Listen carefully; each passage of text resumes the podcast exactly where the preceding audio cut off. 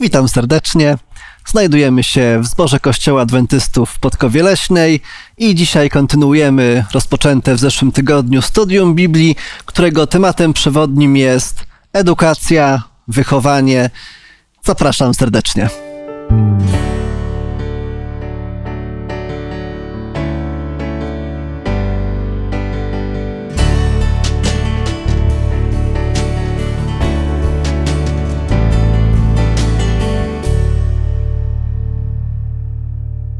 Razem ze mną w studiu jest Halina, Maksymilian.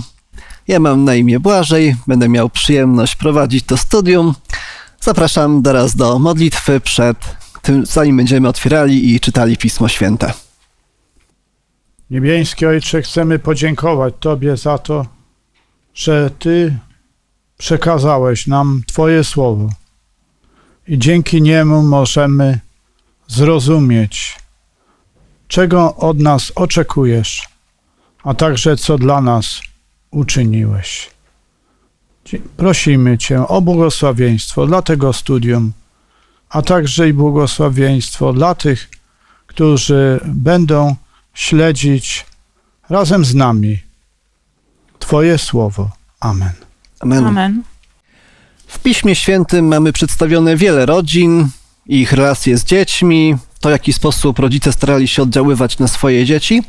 Natomiast jest pewna historia o pewnej szczególnej rodzinie, która, nie mogła która na pewno nie mogła skorzystać z pomocy nauczycieli, z pomocy szkół, z pomocy uniwersytetów, z pomocy pedagogów, ponieważ byli na świecie absolutnie sami. Pozwolę sobie tutaj zacytować czwarty rozdział Księgi Rodzaju, pierwszy i drugi werset. Adam obcował z żoną swoją Ewą, a ta poczęła i urodziła Kaina. Wtedy rzekła: Wydałam na świat mężczyznę z pomocą Pana. Potem urodziła jeszcze brata jego, Abla. Abel był pasterzem trzód, a Kain uprawiał rolę. I możemy sobie wyobrazić, że jesteśmy tam uczestnikami tej pierwszej rodziny. Jak myślicie, jak, czy, nie, ma, nie mamy tego opisane wprost, ale czy możemy się domyślać, czy możemy s- trochę pospekulować, jak mogła wyglądać edukacja tych pierwszych dwóch braci, tych pierwszych dwóch synów, jacy się urodzili na tej ziemi? Czy Adam i Ewa coś chcieli im przekazać, co im mogli przekazać, co ich chcieli nauczyć? Jak myślicie, jak to mogło wyglądać? Historia Kaina i Abla jest interesująca, dlatego że nie posiadali e, babci ani dziadka. W związku z tym na pewno byli zainteresowani tym, jak to się stało, że żyją, jak to się stało z ich rodzicami. I wtedy oczywiście na tego rodzaju podstawowe pytania e, zapewne Adam i Ewa starali się szeroko i dokładnie opowiedzieć historię stworzenia i także i historię swojego upadku. I właśnie to jest e, to, co sprawiło, że zapewne Kain i Abel, gdy już wzrastali, e, mieli coraz więcej pytań. I sądzę, że na te pytania mogli od, dać odpowiedzi, które w jakiś sposób zostały rozwinięte w Nowym Testamencie. W kolejnych, e, w kolejnych tekstach Księgi Rodzaju czytamy o tym, że Kain i Abel składali ofiary. Przy czym Kain złożył jedną ofiarę, Abel złożył drugą ofiarę. E, Skąd wynikała ta rozbieżność? Czy rodzice powiedzieli jednemu o jednych ofiarach, a drugiemu o drugich ofiarach? No na pewno rodzice tłumaczyli w ogóle sens składania ofiary. Dlaczego ta ofiara musi być złożona? No i tutaj musieli powiedzieć skutki nieposłuszeństwa tego, e, co Bóg do nich mówił, a co oni uczynili. E, Trudno mi powiedzieć, e, tak się właśnie zastanawiam teraz, skąd ta rozbieżność u nich, bo na pewno do jednego syna i do drugiego mówili to samo, tak przypuszczam. To, to, to, to, co im Pan Bóg pokazał w ogrodzie Eden, kiedy zgrzeszyli i była złożona pierwsza ofiara, Tak. myślę, że to przekazali całkiem dokładnie, a jednak jeden podążył za przykładem rodziców, drugi zupełnie nie. Co się musiało stać w umyśle tego drugiego, który stwierdził, że odrzuci przykład dany im przez rodziców? Nie wiem. Y, Moim zdaniem istnieje prawdopodobieństwo, że każdy myśli też o sobie, o tym, jak to przeżywa. Y, Przecież w tej rodzinie musiano dyskutować na różne tematy związane ze Stworzycielem. I, I ten drugi chciał przez swoją ofiarę pokazać, jak wdzięczny jest Bogu, a przy tej okazji, no, w jaki sposób się dowartościować. E, Normalne jest, że często, jak nikt nas nie chwali, to jesteśmy chętni zwrócić uwagę, jaki odnieśliśmy sukces. I y, właśnie Kain odniósł taki sukces, gdyż, gdyż zapewne dobrze uprawiał ziemię, która mu była przeznaczona. I, I chciał się tym pochwalić, a to oznacza, że chciał pokazać, że on może zapracować na swoje zbawienie. No bo jak będzie rzetelnie pracował, e, no to Pan Bóg to wynagrodzi. Czyli zbawienie wtedy będzie e, swego rodzaju zapłatą.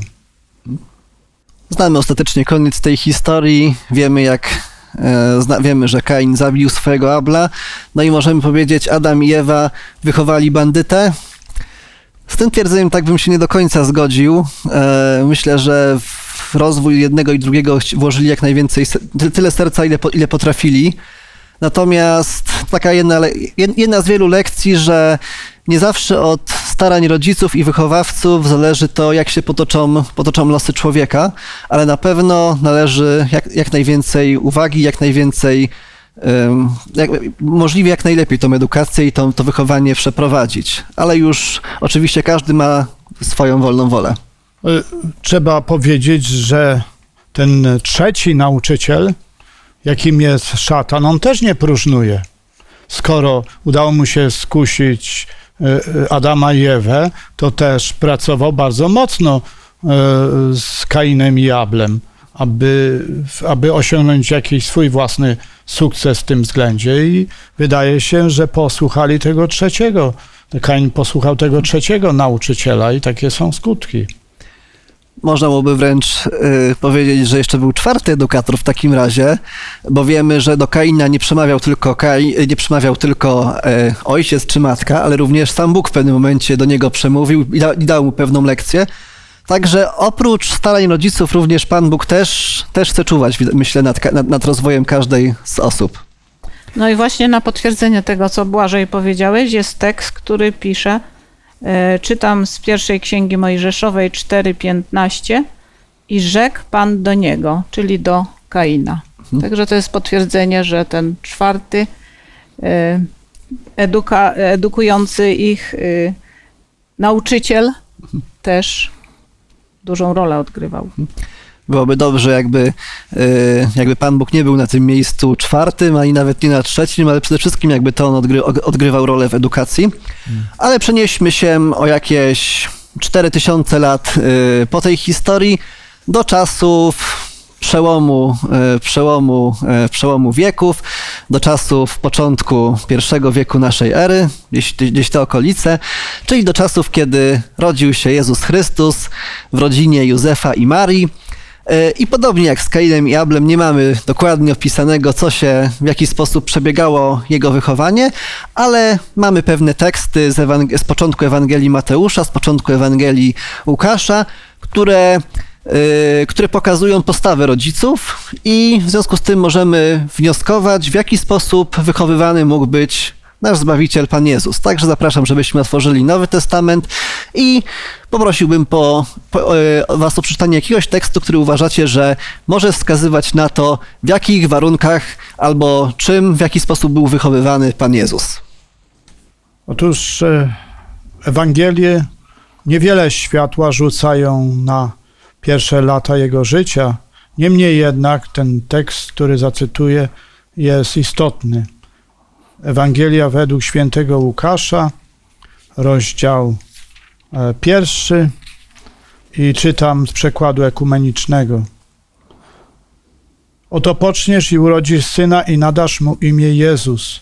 Będzie on wielki i zostanie nazwany Synem Najwyższego.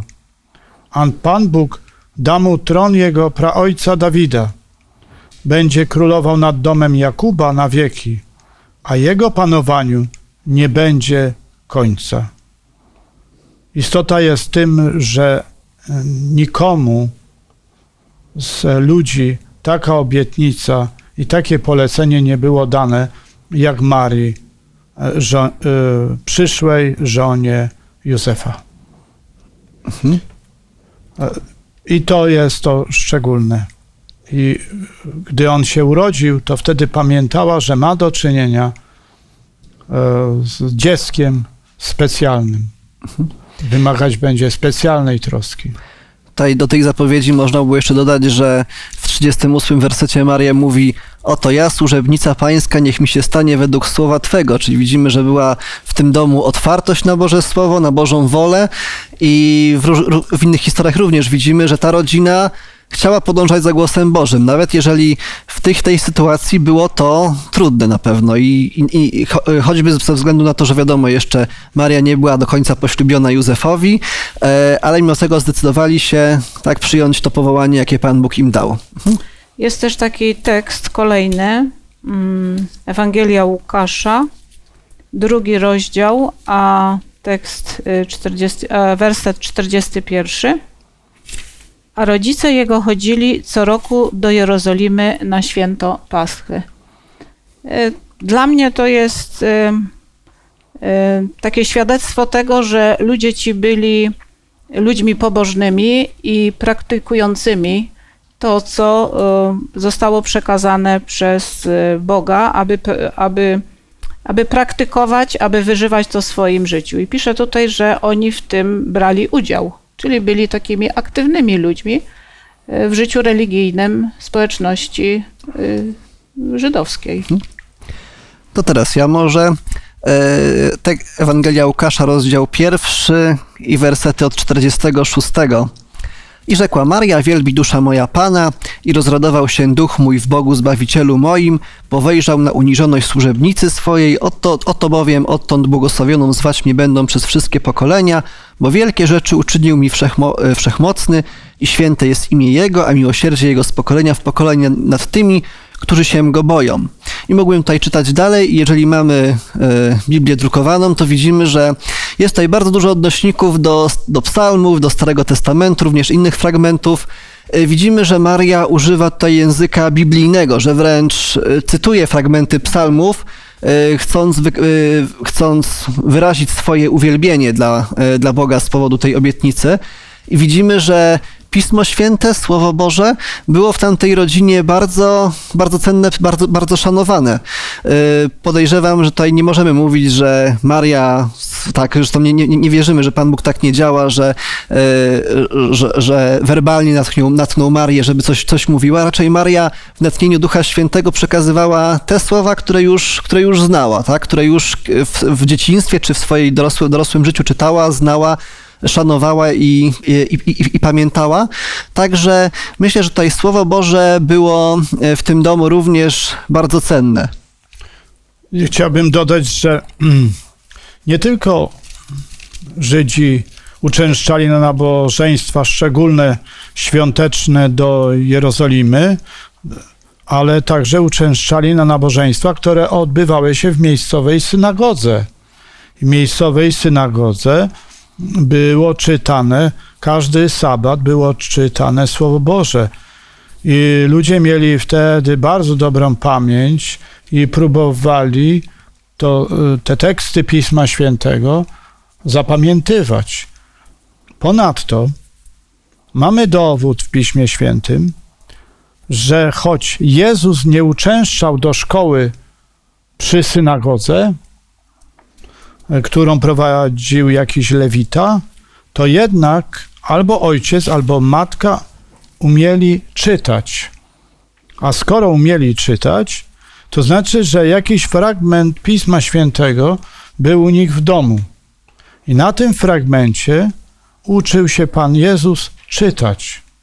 I dowód mamy na to, że umiał czytać, to jest to, że jak znalazł się w synagodze, to podali mu księgę Izajasza i z niej czytał.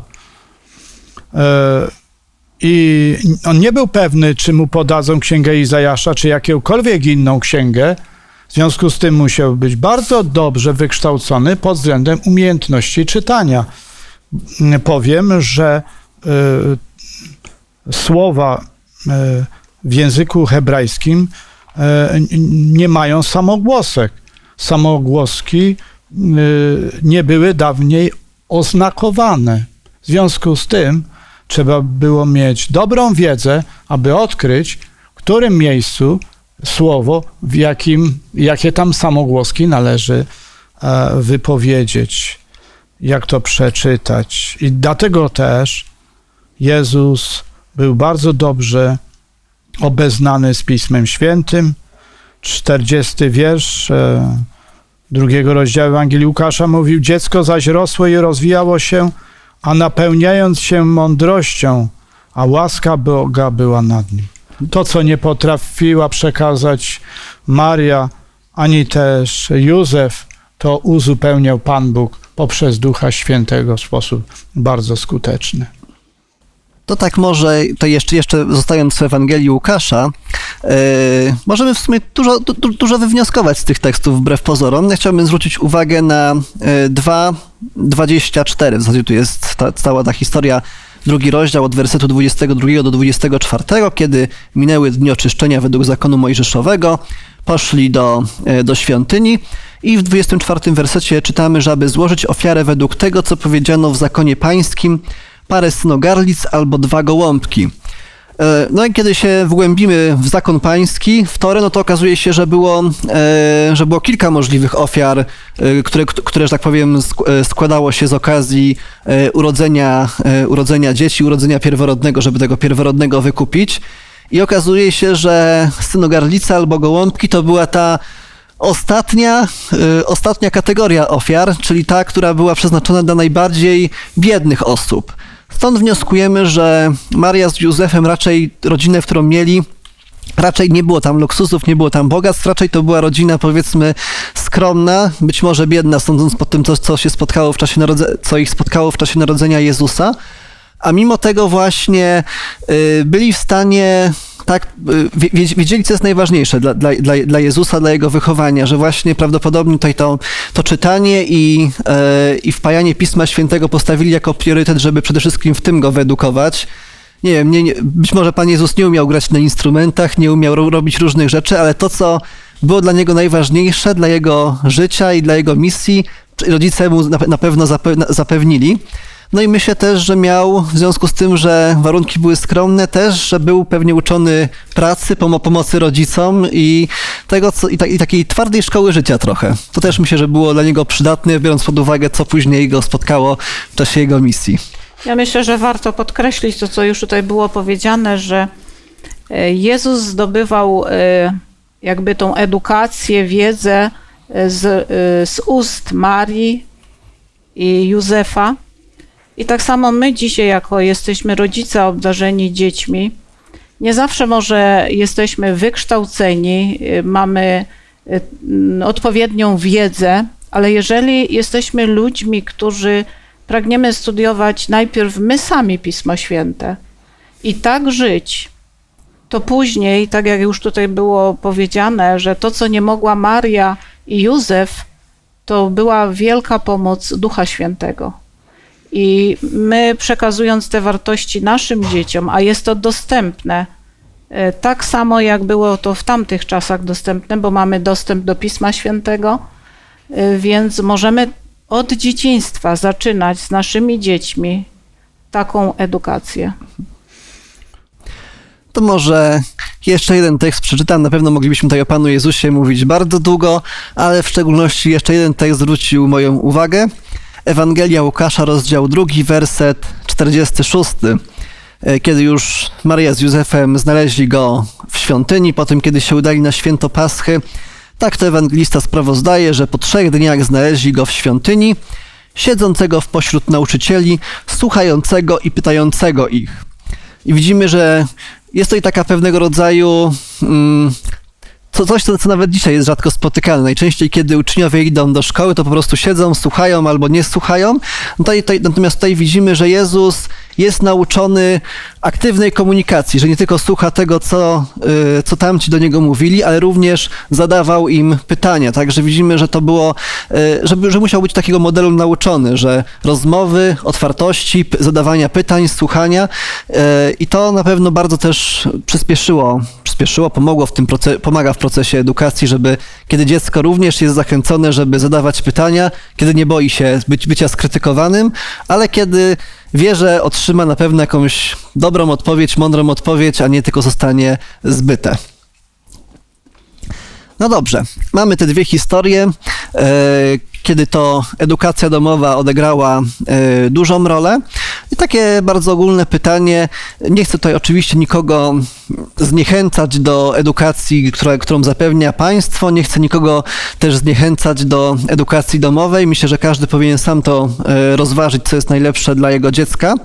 Natomiast y, czy edukacja, jaką przekazuje rodzina, jaką, jak, jaką rodzice zapewniają w pierwszych latach życia dziecka, ma jakąś przewagę nad tą edukacją, powiedzmy, systemową w szkole, y, którą później dziecko przez wiele lat y, przyjmuje? Czy, czy jakie, jakie jej zalety są? Czy może Biblia nam wspomina o jakichś zaletach te, tego, co rodzice mogą zrobić, a później nauczyciele już nie mogą zrobić? Przede wszystkim wychowaniu, e, współpracy zawsze jest jakiś system nagród i kar.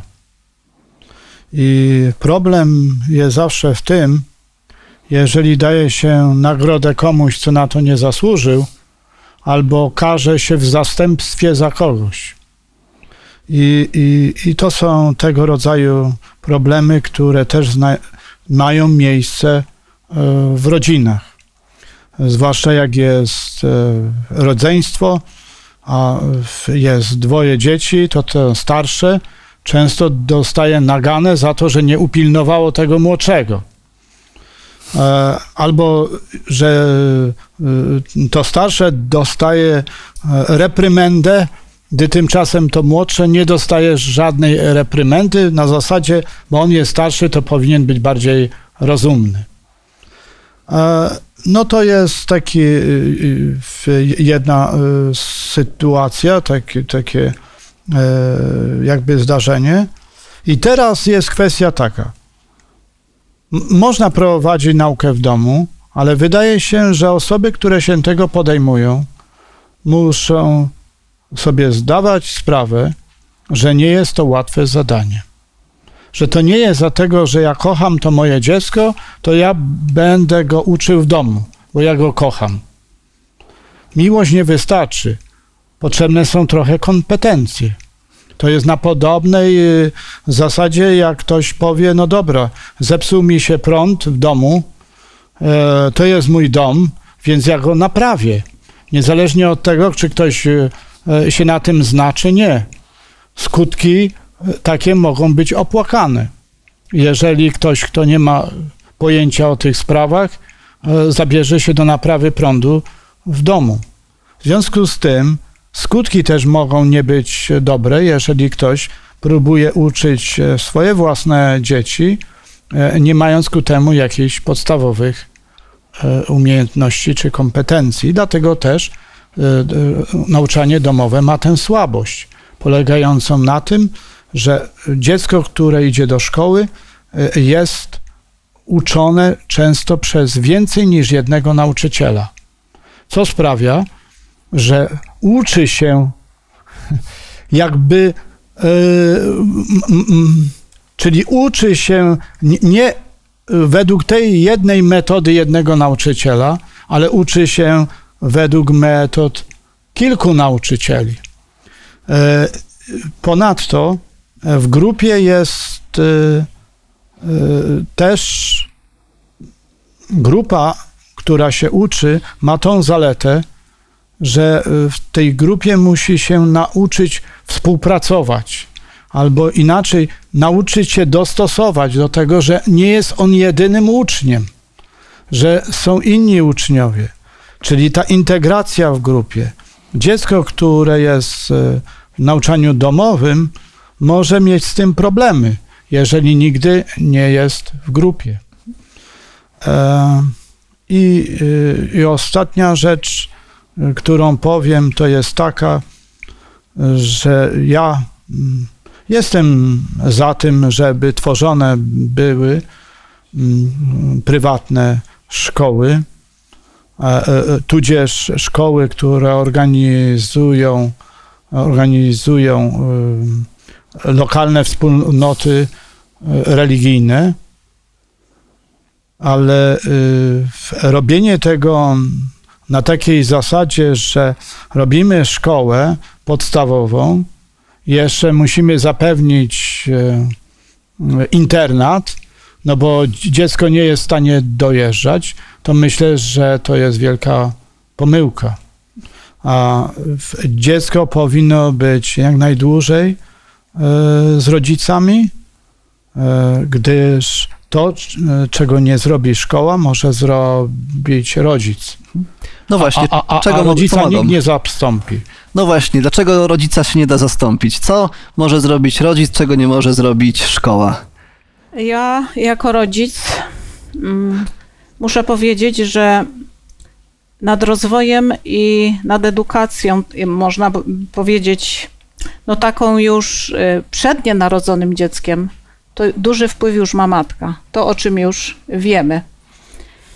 Y, Sam proces wychowywania w tych najmłodszych y, latach, wiek od 1 do 5, wtedy 6, kiedy dziecko idzie do szkoły, to bardzo duży wpływ my mamy rodzice na to.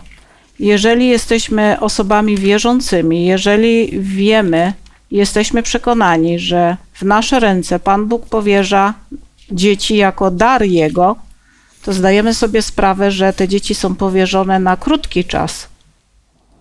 Na krótki czas pod względem tej edukacji, bo każdy rok szybko przemija.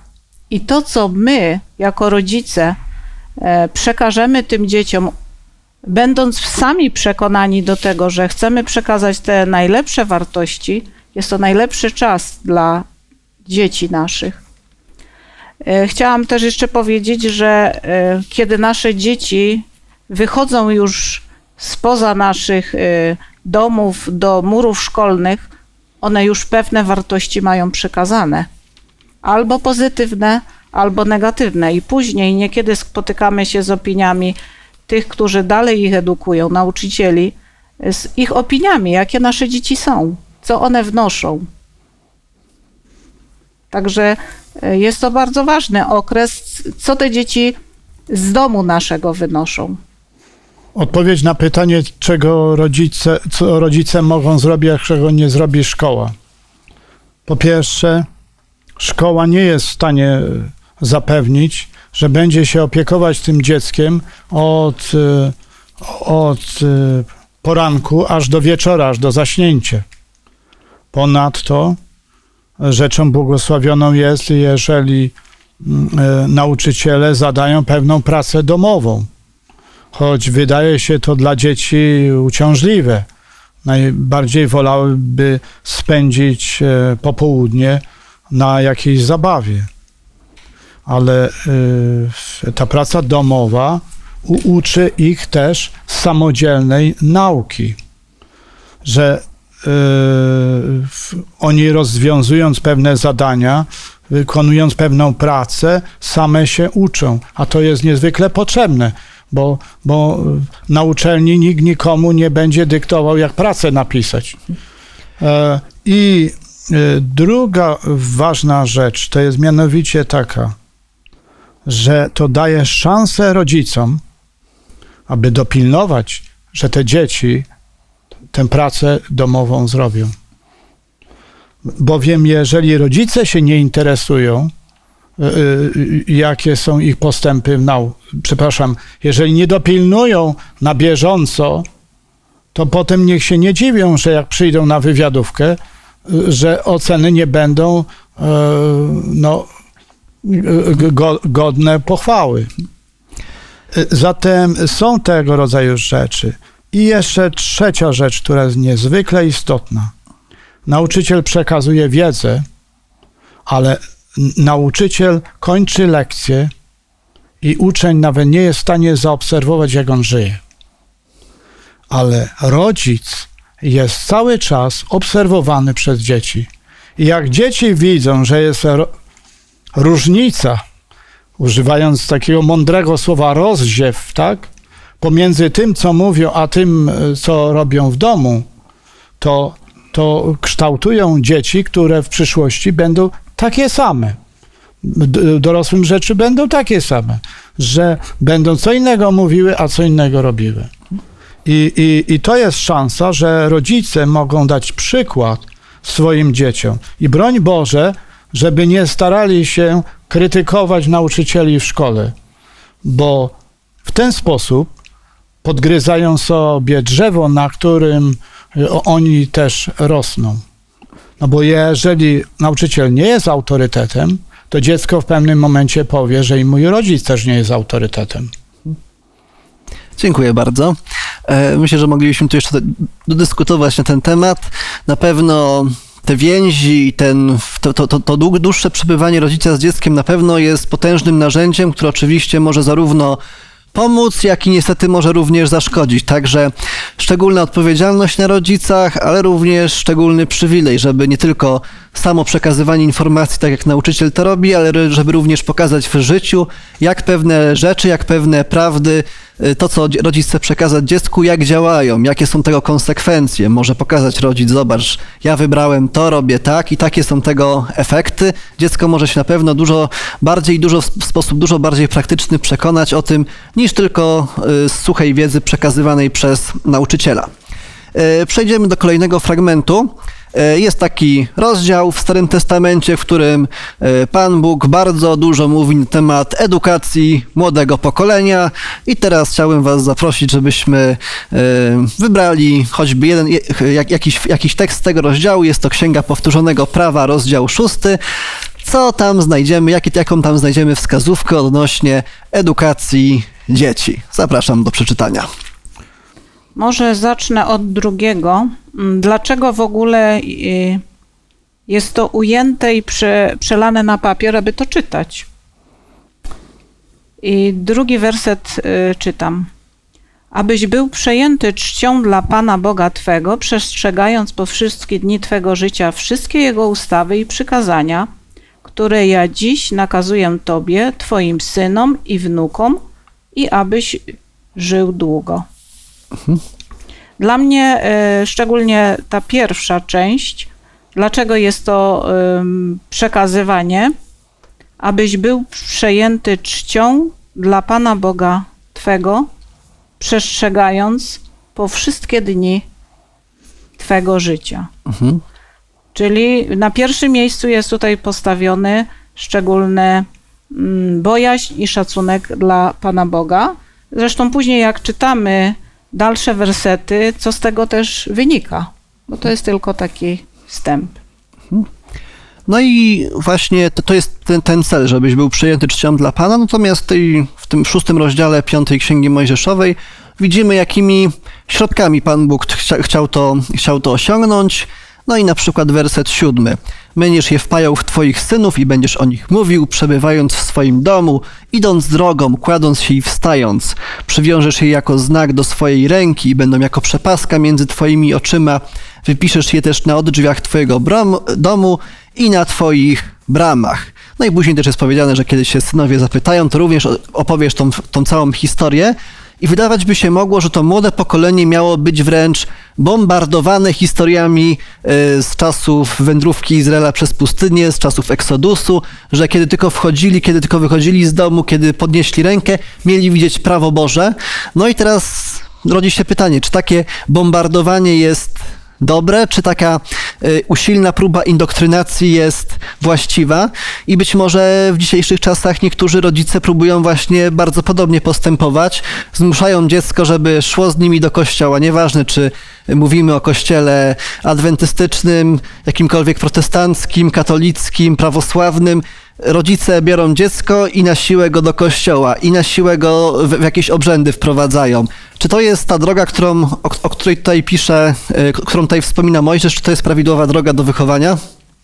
Ja chciałabym powiedzieć taki przykład. W zeszłym tygodniu pewna e, młoda, znaczy może nie młoda już, e, która która ma dorastające dzieci, powiedziała do mnie: Jak to teraz jest, że dawniej moja mama powiedziała: Zbieramy się, idziemy do kościoła, i nie było dyskusji, i szliśmy. A mówi: A dzisiaj ja do moich dzieci wręcz proszę, chodźcie, pójdziemy do kościoła. Mówi, że ona mówi, że zauważa różnicę, że tak jakby wtedy nie było dyskusji, a teraz jakby jeszcze prośba jest. Więc to jest też jakaś taka e, Zmiana. zmiana, o której można by pomyśleć, dlaczego tak jest. I czy, tak jak ty zadajesz pytanie, czy to też było dobre rozkazem e, powiedzieć idziemy i nie było żadnej dyskusji, tak? Ja chciałbym to y, popatrzeć na to jeszcze inaczej. Otóż każde pokolenie żyje w innych okolicznościach. Nie, nie jest tak, że dokładnie pokolenie za pokoleniem powtarzamy te same wzorce, e, mamy te same okoliczności, te same możliwości. To się zmienia.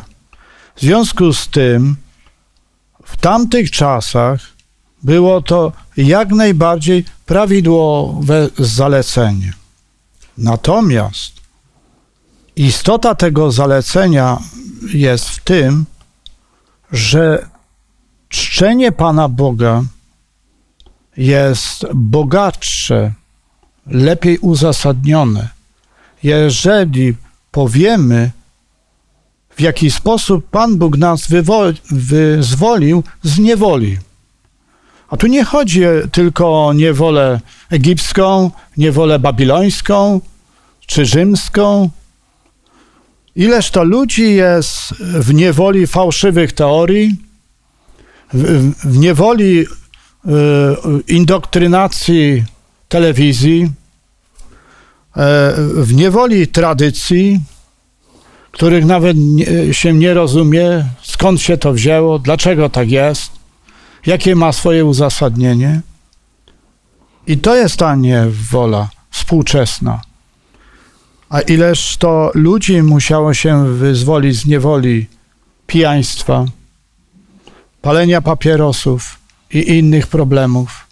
Jeżeli ludzie przez to przeszli, to to jest najlepszym dowodem na to, że Bóg działa. I przedstawienia tego młodszemu pokoleniu uzmysławia, że Bóg działa.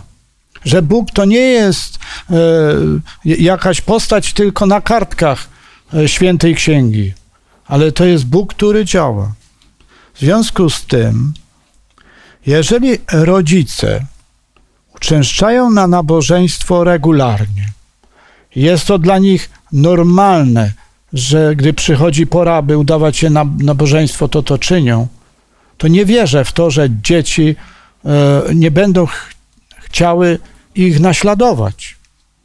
Ale rozdziew, czyli znowu różnica powstaje w tym momencie, gdy matka zaprasza dzieci, żeby szły na nabożeństwo, a ojciec nie idzie, bo tam coś mu nie pasuje, albo najlepiej jakby poszedł, to wolałby być na parkingu niż w miejscu nabożeństwa.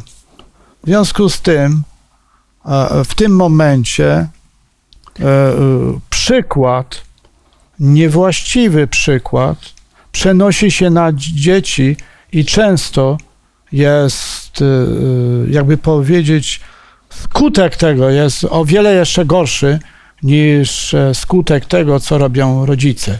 I potem się dziwią, że jak dzieci dorastają, wychodzą z domu, to przestają chodzić na nabożeństwo. Trzeba sobie zadać pytanie, a jakimi my byliśmy, gdy byliśmy rodzicami, gdy byliśmy młodzi, jaki my byliśmy. I wtedy dopiero oceniać, czy mamy do czynienia jakąś dziwaczną albo niewłaściwą indoktrynację, czy mamy do czynienia z naśladowaniem dobrych wzorców. Dziękuję. E, dziękuję tutaj za tą myśl, y, że zaczęliśmy od y, od tego, od tego wersetu, abyś był przyjęty czcią dla Pana. To ma być ten cel y, i oczywiście jakimiś nachalnymi metodami tego raczej nie osiągniemy. Rzeczywiście y, przekonanie i przywiązanie do Boga nie, y, nie- ma wypły, wypływać z przymusu, ale Pan Bóg chce, żeby oczywiście wypływało z miłości do Niego, z przywiązania, z jakiejś takiej zrozumienia, kim On jest, że On jest kimś dobrym. Y, Dlatego oczywiście później w Nowy Testament rozwija, y, rozwija te myśli. Paweł do Efezjan pisze do ojców, żeby nie pobudzali synów swoich do, y, do gniewu, tak? Żeby te metody wychowawcze były raczej nastawione, żeby budować dobroć, żeby budować dobre uczucia, miłość, szacunek y, do, do rodziców, do, y, do Pana Boga, a nie żeby to było wszystko robione pod przymusem. Oczywiście wymaga to wiele mądrości i to, co tutaj Maksymilian wspomniałeś, oczywiście też w drugim liście do Koryntian Paweł wspomina taką, daje, daje, daje, daje zaletę, zanim się pojawią jeszcze dzieci, żeby nie chodzić w obcym jarzmie z niewierzącymi, tak, że na pewno to w tym momencie, żeby nie było tak, że rzeczywiście ojciec na parkingu czeka, a matka y, jest, y, a matka jest w kościele z dziećmi i dzieci zastanawiają się, czemu, czemu taty razem z nimi, y, razem z nimi nie ma. E, Widzimy, że, widzimy, że edukacja dzieci tutaj w, w Biblii jest, jest przedstawiona tak zarówno w historiach, jak i w takich bezpośrednich radach. Mamy nadzieję, że drogi widzu, jeżeli jesteś rodzicem lub planujesz nim zostać, lub może jesteś dziadkiem, ciocią, wujkiem i dostajesz dzieci pod opiekę, że skorzystasz z tych historii, również z tych rad, które daje, które daje Pismo Święte yy, i dzięki temu twoi, twój wpływ, twoje przedstawienie Pana Boga yy, dzieciom będzie, będzie lepsze. Zachęcamy cię, żebyś osobiście te fragmenty jeszcze raz przestudiował, yy, przemyślał je i pomodlił się do Pana Boga z pytaniem, jak mogę to w edukowaniu młodszego pokolenia zastosować. Być może też jesteś w innej sytuacji. Być może jesteś już dorosły, a twoi rodzice nie do końca postępowali według tego, co.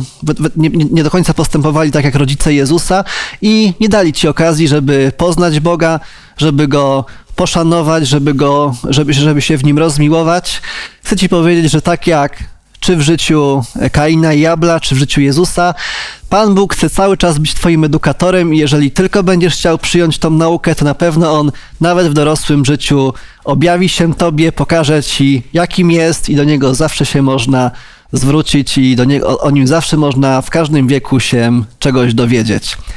To będzie, niech to będzie naszą modlitwą, aby każdy wzrastał w poznaniu, czy to młody, czy to starszy, wzrastał w poznaniu tego Boga. Pomodlimy się na koniec z Halinką. Boże i Panie, dziękujemy Ci, że Ty dajesz nam tyle dobrych rad, takie, które naprawdę możemy w codziennym naszym życiu zastosować.